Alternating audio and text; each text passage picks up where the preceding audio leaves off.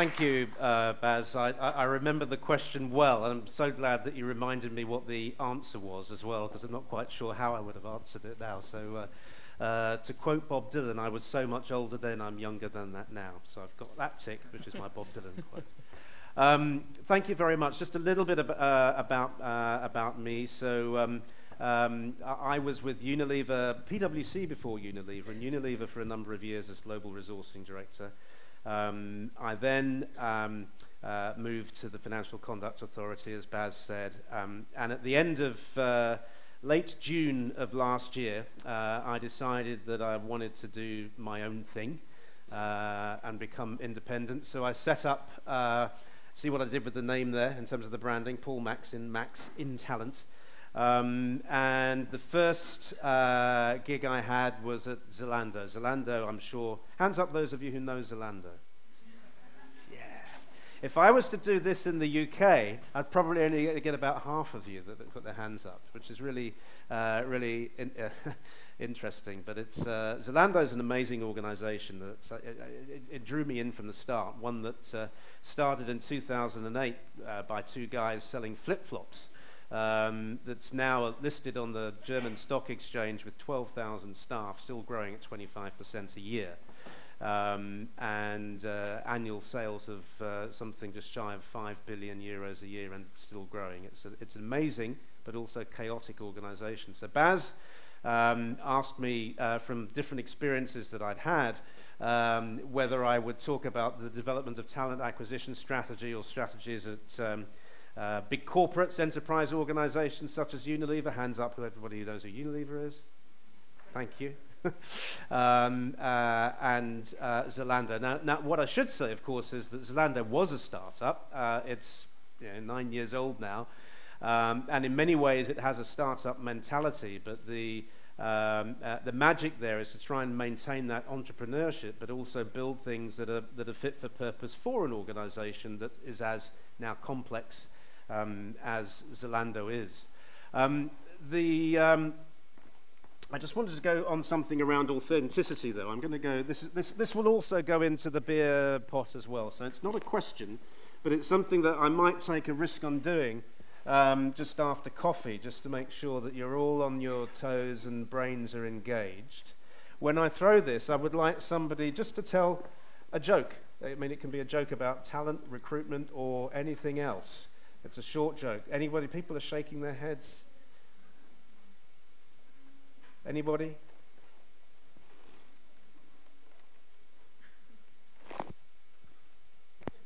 Oh my God. I don't have a joke. Yeah, I can make one up.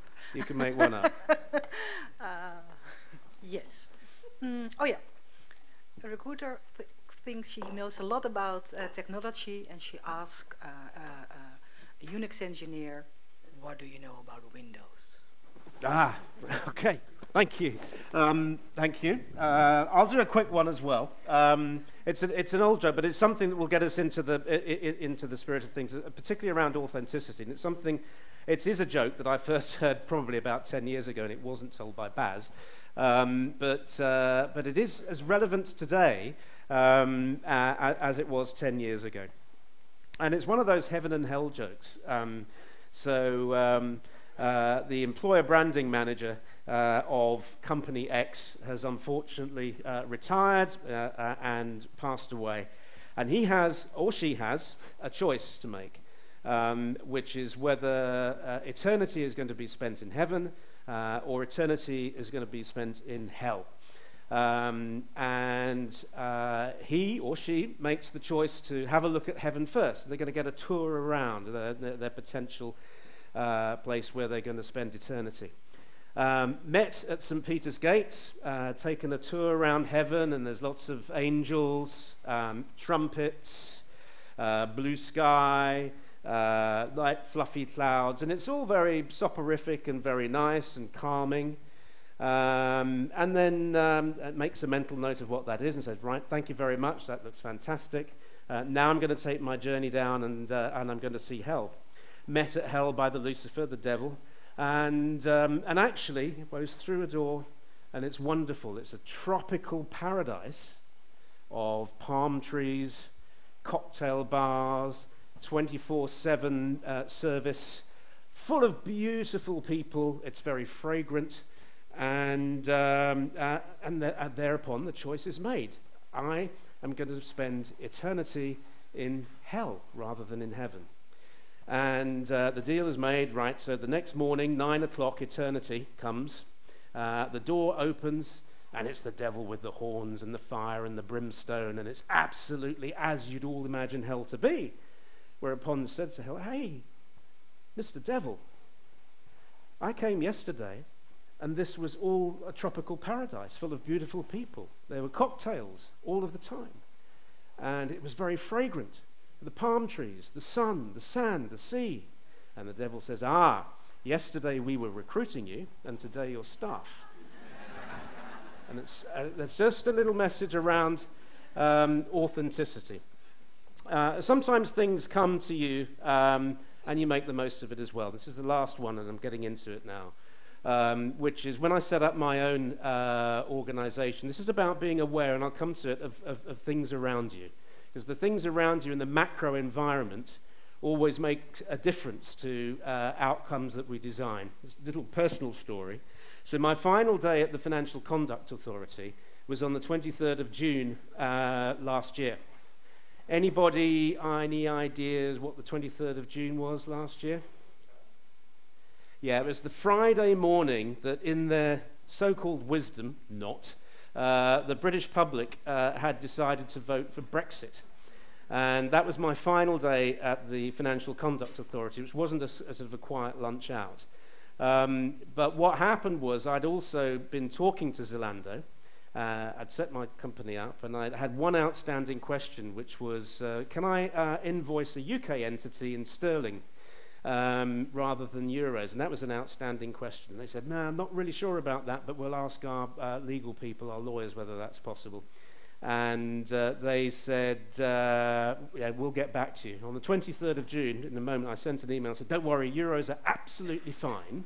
Um, it's okay for euros. And they said, no, no, we really will ask our lawyers. No, euros are absolutely fine. So it's just a, a, a quick segue into you know, external environments always has an impact on what we do.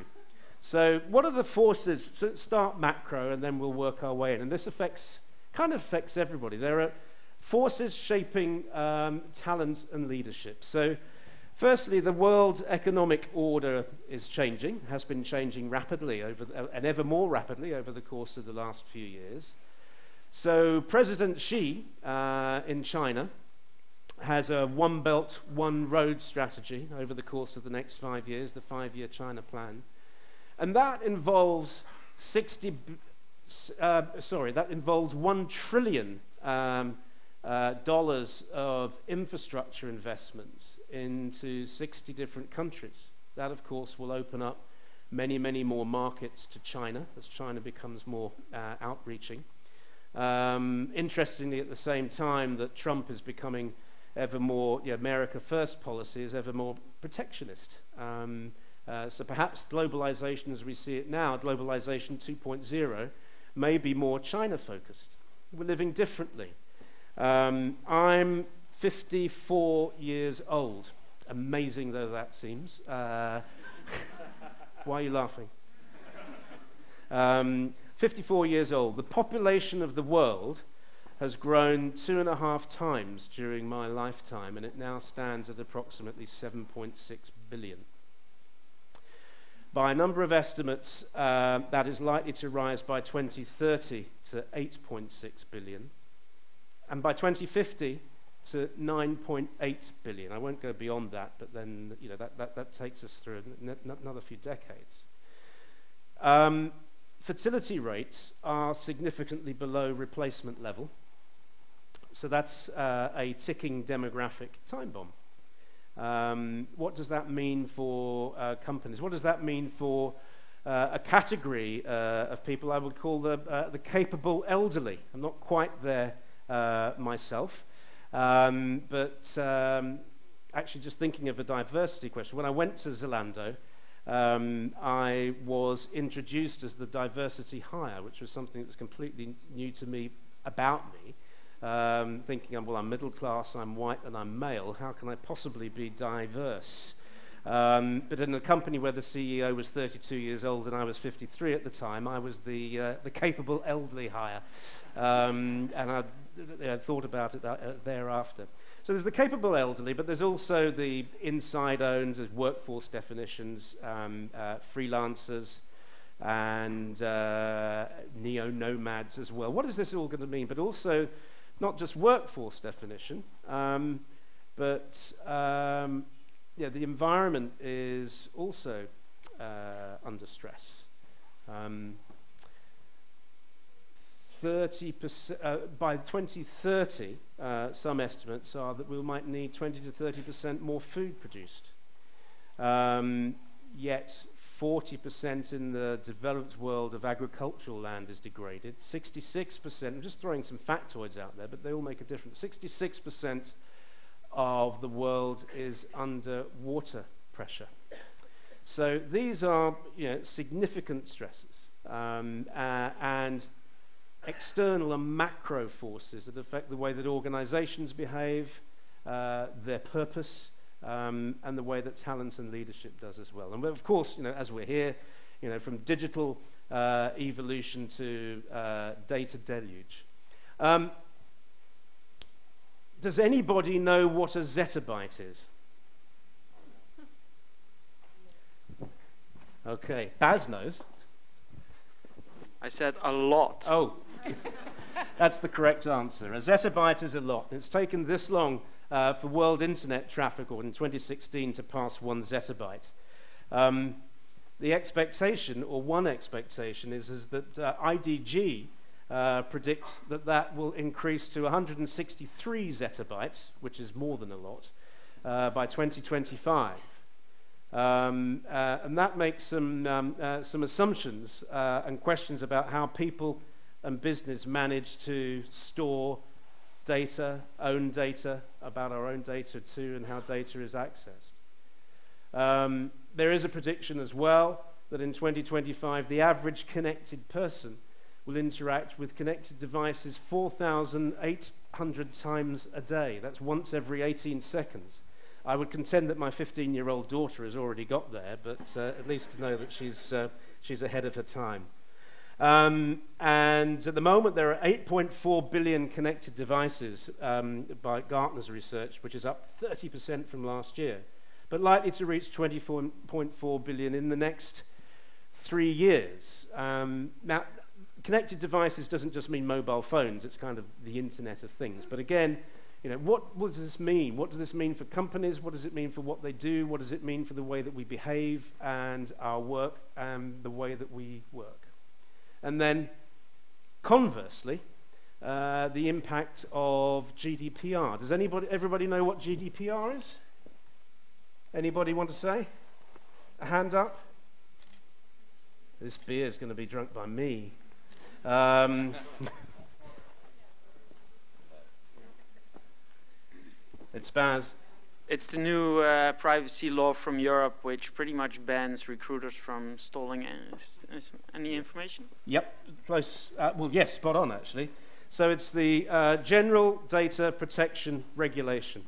Its, uh, its purpose is to harmonize EU data regulation, um, and it comes into force in May next year. And interestingly enough, um, uh, it doesn't just apply to organizations based in the EU. Applies to data that's housed in the EU. Um, so if you're an American or an Asian organization, but you have employees uh, based in the EU, then it, it, it affects those organizations too.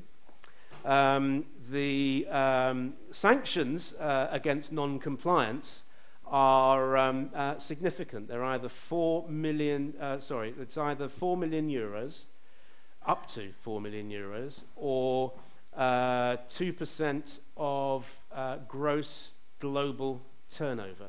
So, yeah, in, in, that context, those fines are, uh, are, are, pretty significant. What does it mean for recruiting? It means a number of things. Um, candidates have the right to opt out of uh, automated decision making processes, um, which, is, uh, which is interesting. They may choose not to, so make sure that they opt in. Yeah? Um, uh, transparency is key. Candidates have a right to know, or will have a right to know, why they've not been selected. Um, and in terms of measurement um, uh, and metrics, if they're numeric and, and, and those processes uh, are done uh, in a transparent way, that's fine. But we've heard the talk about AI, or what AI is in recruitment and artificial uh, in, intelligence. And um, it may have lots of potential. Um, but explainability isn't necessarily one of them. So, how are you going to explain that to candidates if you're using machine learning or automa- uh, particular types of automation to make selection processes, it's, uh, decisions rather? Um, so, it's going to be um, an interesting time. Um, everyone has the right to anonymity, Uh, and certain strings of AI data, if you put them together, may uh, make what was somebody that was previously unidentifiable identifiable. So there are lots of um, uh, it, it's not going to shut down recruitment, of course, it can't. Uh, but when it comes to uh, developing strategy, whether you're in a large enterprise organization or a small startup or an organization going through hyper growth, then you can do all the sexy things, you can think about the macro stuff and all the connectivity, um, uh, but the dry bit is actually you've got to remain compliant as well. I've only mentioned it a couple of times, so I put that slide in without thinking uh, that I was going to mention Brexit. But if you're looking at turmoil and things, and I haven't even mentioned Brexit yet. So um, this all leads to, uh, again, whether you're in a startup, a, a hypergrowth organization, or a, um, uh, an enterprise global organization, You know, the questions that talent acquisition leaders should be asking their business and their business leaders are thus, you know, what talent skills and capabilities do we need to be able to use data? What's the impact of AI and machine learning going to be on the workforce? Um, what are workforce definitions uh, and how do we prepare for that? So that's what I meant by the capable elderly, uh, inside owns, outside freelancers, neo nomads, and others. Um, and as education and learning becomes ever more digital, digital how do we scale access? Uh, and what will be the impact on screening and assessment? When um, uh, I went to uh, Zalando, um, Zalando had grown exponentially, as I'd said. It had gone through hypergrowth and still growing rapidly. Um, but from a recruiting perspective, they were like the, the hamsters on the wheel. It was still operating very much as a as a startup. And the mantra was more, faster, uh, quicker, um, uh, but um, the, actually the economies of scale weren't that uh, um, significant. And in terms of the startup mentality, um, Zalando didn't have a, a, every requisition, every job was kind of treated as the every vacancy is the same. Um, uh, without uh, thinking about what the impact of uh, that job or that vacancy is on the, on the business. So again, that comes as a, a, another sort of question as well. Um, not all vacancies are equal, uh, and it's not even hierarchical in that sense. You know, fa- fact of the matter is some um, uh, vacancies have a greater impact on the business and the business criteria and success than, than others. And if you think of a, um, a sort of a double axis uh, where one is criticality to the business uh, outcomes and the other one is uh, availability of talent, um, then your vacancies that are in the top right hand corner that have the most amount of impact, but where there's the least amount of um, uh, availability of the talent are the ones that you really need to invest the time and um, and focus on. It's not hierarchical. So I'm just going to give an idea as to what I mean by a critical role or an impact on a business by talking about actually mentioning one in an industry that isn't either Unilever or Zalando because I, I found it in trying to explain the concept at Zalando, it was quite useful to, uh, to, to neutralize it in terms of industry. So if you take um, uh, a low-cost airline, maybe Air Berlin might not be the best example, but that was the example that I gave at the time. But let's say I came on uh, EasyJet yesterday. So um, in EasyJet, clearly there are important roles, but critical roles that don't involve the pilot, cabin crew, safety um, uh, are. Um, w- what other critical roles might there be, or a critical role that doesn't involve um, the pilot, cabin crew, safety, or customer services? Baggage handling, engineers, planning, websites, all good. Um, uh, and I'm going to mention one that without, if you don't get the right person, the whole business model will fall apart.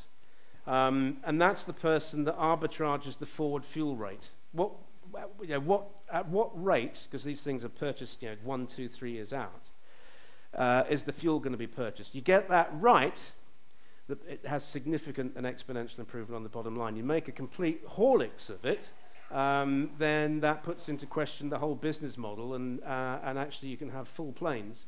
But if you've over, because you know, the, the way that the margins are, if you've paid 20% too much for your fuel, um, then you're in, um, uh, you're in deep trouble. So this is the concept about the impact of role or the, uh, the criticality of role, which is as important to, um, uh, to startups, hypergrowths, and um, um, enterprise organizations. Now, in terms of acquiring talent, that's just a, uh, uh, it's, it's supposed to look like a messy slide because um, as things, it really is uh, a complex and changing social media landscape for sourcing activities. So there's the social marketing management. I'm not going to go through them all. There's social commerce platforms, social business software. You know, and, and, actually, I did this slide a, uh, a couple of years ago. You, you, could fill it out and make it look even more messy now, uh, but you get the, uh, the gist of it. Um, so we need to do some of this. Um, uh, and this is a confession that I have to make. Sometimes you have to steal things with pride. Uh, it's a shame that he's had to go. I did some work, Matt Older and I uh, uh, did some work when I was at Unilever um, uh, developing uh, digital strategy. We used it for, for, for something else. So this is actually a slide that, that Matt Older um, uh, developed probably about nine or ten years ago which is great that it's reusable nine or ten years later.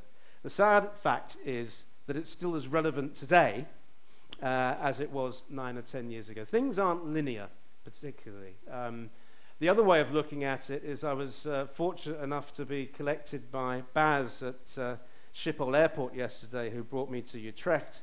Um, and I was going to say that the uh, top uh, picture was the uh, route that I thought we were going to take and the bottom picture was the actual route that we took um, because of all the traffic. Um, but you have to transform thinking to um, uh, uh, the straight road to the spaghetti junction. And this affects KPIs as well. Um, we talked a little bit, of, some of the others uh, talked a little bit about what are the right KPIs, you know, cost to hire, time to hire are the typical ones. But as you'll see later on, something we did with Zalando in terms of where candidates come in and investments that you make through the recruiting funnel, things really aren't linear. It's very difficult to say um, that this particular source was the source.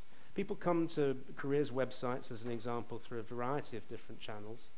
Um, and actually, um, talking about recruitment marketing or CRM tools, and candidates are in CRM tools, what is it that makes them apply when they're going to apply? So it's the approach is not just linear, um, which also makes it difficult to say, well, the actual time to hire was 28 to 30 days or whatever. Um, uh, perhaps uh, another way of looking at KPIs, and it's not necessarily one size fits all, think about what's best for your organization, but it might be something around the impact of hire. Um, so uh, a quality of hire uh, is often measured on retention, whether somebody's been there three months, 90 days to 12 months. Um, and that isn't necessarily depictive of a quality of hire, really. Um, uh, it's fraught with hiring manager bias. If a hiring manager's made the decision to recruit that person, they're more likely to say it's a great hire or she's a great hire. Um, why not think about some of the business imperatives that uh, they need to deliver, such as well, it could be customer satisfaction, it could be customer retention, it could be customer growth if it's a sales organization. And particularly if it's a startup, it might well be customer growth and, uh, and growth focused in terms of the impact on hires. So you can actually start to think about maybe we should be measuring our recruiters on the impact of the hires they bring in, um, uh, as opposed to um, just simply linear metrics around the time to hire um, and cost to hire. One other thing about the metrics is that one size doesn't fit all. So I'm going back to what I said about the impact of business hires. So one of the things that, I'm going to round the numbers at, uh, uh, at Zalando, but it would have been similar at Unilever too, is that uh, you're reporting your charts and your metrics, and everything's green. Um, so you know, 85% of engineers are recruited within 30 days, uh, which is pretty damn fast. Um, and yet there's still a lot of noise in the system. The reason that there's the noise in the system it's because the roles that have the most impact with the scarcity of talent are the ones that are taking that much longer to fill. So have a think about the risks that there are about reporting averages. Yeah? So we'd all agreed in terms of a KPIs that, uh, um, uh, that, that, it should be um, 28 or 30 days, but the noise is because you're reporting the averages. So, messy slide, but don't worry about it. I'm sure they'll be uh, shared. I just want to give a couple of examples around framework creation uh, and how you can benefit from uh, people that you have within your own industry. So this goes back to Unilever. Unilever now uh, I would contend, uh, has a brilliant uh, digital talent acquisition strategy, not least of which I was at the forefront of helping to develop it, but in a team environment. Um, going back a few years, Unilever uh, has a fantastic and maintains a fantastic marketing organization. The consumer brands were at the forefront of how to utilize and develop consumer channels um, using digital and social media in particular, and through that getting some personalization scope on their customers and consumers. And the marketing organization, which basically drives Unilever, was uh, quite rightly saying to recruiting talent acquisition, you guys have got used to, so you've got no social strategy at all. You don't know what you're doing. And, and, and the fact of the matter is, they were right. Um, uh, recruitment budgets are low. Marketing budgets at Unilever are high. It's the, about the second uh, largest advertiser in the world, or it was at the time. But more importantly, most importantly, uh, they had marketing and digital marketing expertise within the consumer uh, marketing. Rate. So we brought some of those in. Actually, Matt Alder, um, uh, we also brought in to, uh, to facilitate some of those early sessions. And then we moved to bringing uh, you know, marketing experts in to create a strategic framework the outcomes in there aren't necessarily what uh, you might want to do yourselves, but the ambition, objective, strategies, and actions is a useful um, uh, framework to, to, to, use. And, and at Unilever, they wanted to embrace uh, uh the candidate as consumer, and everything was consumer centric, um, uh, aligning mobile, social, video search, consumer insight, and also cru- crucially, because um, um, at Unilever, the um, marketing function had the money, they had the, uh, the finance and the external relationships as well, whether those were the, uh, the relationships with Google, with YouTube, um, with Facebook, um, uh, but also with platforms that could publish content as well. One called Buddy Media was one that was used by Unilever, and we were able to, to piggyback off that. The point being that never lose sight of the expertise that you have more broadly within own, your own organization to, um, uh, to help each other out and to help you build. So by the time I left Unilever, which was in 2013, uh, Unilever was, the as an example, the third most in-demand um, uh, organization on LinkedIn. Uh, and is still right up there and has a, yeah, a very useful and useful social strategy. This is something from Zalando. Um, again, here at Zalando, the focus was very much on the target audience and impact on business success. Not everything's digital, even in Zalando. Um, you know, we have a lot of meetups and career fairs, um, but also digital strategy and content strategy as well. Uh, and content strategy is key. But the thing I wanted to focus on on Zalando, where Zalando as a growing organization could help, is that um, when I joined Zalando, I was told that um, 80% of uh, candidates that joined Zalando uh, applied through, came through the careers website. Actually, the expression was came through the careers website. Um, Zalando is an organization that uh, rightly eats uh, and consumes data morning, noon, and night, and snacks on it in the hours in between, and will you know, snack on data as a midnight feast. But when it came to people, uh, either within the organization or recruiting, then the data that was available was, um, uh, was, was, was at best a bit flaky. Um, and my first uh, session um, with Robert Gentz shortly after I joined, um, I felt like I was flying blind because he's a data driven man. Uh, and the success of Zalando has been built on uh, you know, how, how, much data they have in terms of the changes. And when it came to the most important thing, as Laszlo Bock would say, about people, we had very limited amount of data, even to the extent that we weren't using Google Analytics. This is for recruitment at an e-commerce business. Um, certainly by the time I left, we, we, we managed to capture some applicant sources through the funnel. And what does it tell us? Um, I guess a, li a little bit messy here, but, but just take it, you can see that, that some channels are more successful uh, in raising applications uh, and others are more effective as you go through the funnel and then you can start to see where the, the drop-offs are. One of the interesting things for me, though, in terms of going back as candidate, as consumer, is the orange one.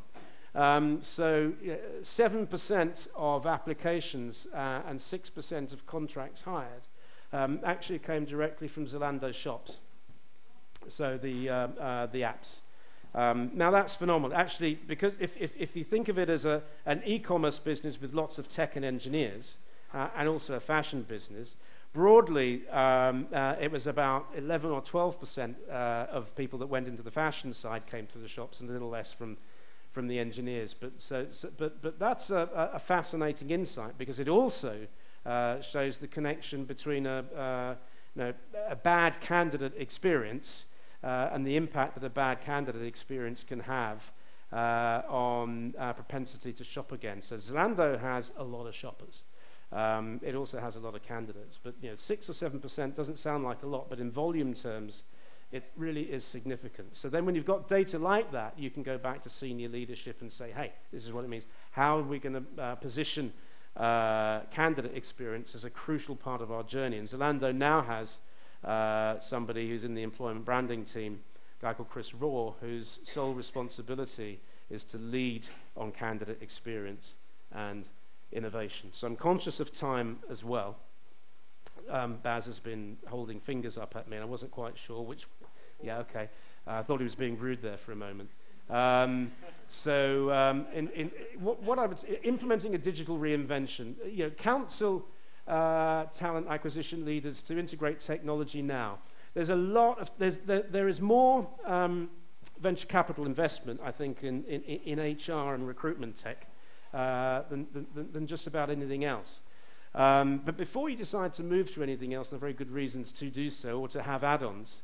Uh, you really must optimize. It's very basic and very simple. You really must optimize what you've got first. Um, um, at Zalando, there was a, uh, the, tech, the ATS, the applicant tracking system, was Greenhouse, very good applicant tracking system. Uh, but because the information in the applicant tracking system was flaky, the outcome, you know, what you put in, you know, applicant tracking systems are a bit like sewers. What you put into them uh, depends on what you get out of them depends on what you put into them. Um, so don't start with the technology either. Start with what outcomes you want. Um, uh, for me, and there, it's very much around candidate experience and business outcomes, the combination of the two. And once you've defined what candidate experience you want to have, what business outcomes you need, then you can look at your processes and see where the shortfalls in the processes. Um, uh, and at that point, you can start to automate. But it actually makes the role of recruiters more interesting because if you've done that, then you can turn your recruiter and indeed your line managers into the role of um, talent or uh, hiring ambassadors as well. Top talent attracts top talent, and it's very important as well, startups or enterprise organizations, to ensure that it's not just down to the recruiting team, it's down to line managers as well. One of the best things I've heard recently is that uh, um, actually it is LinkedIn. LinkedIn um, actually uh, have their recruiting teams surveying their hiring managers for the recruiting team's satisfaction of the hiring managers as well as the other way around, which is a little bit of a nugget. I'm conscious of Baz's fingers and questions need to be asked. And if somebody's going to win the craft beer, I should um, uh, uh, shut up and listen to and hopefully answer some of your questions. So for the talking bit, thank you very much.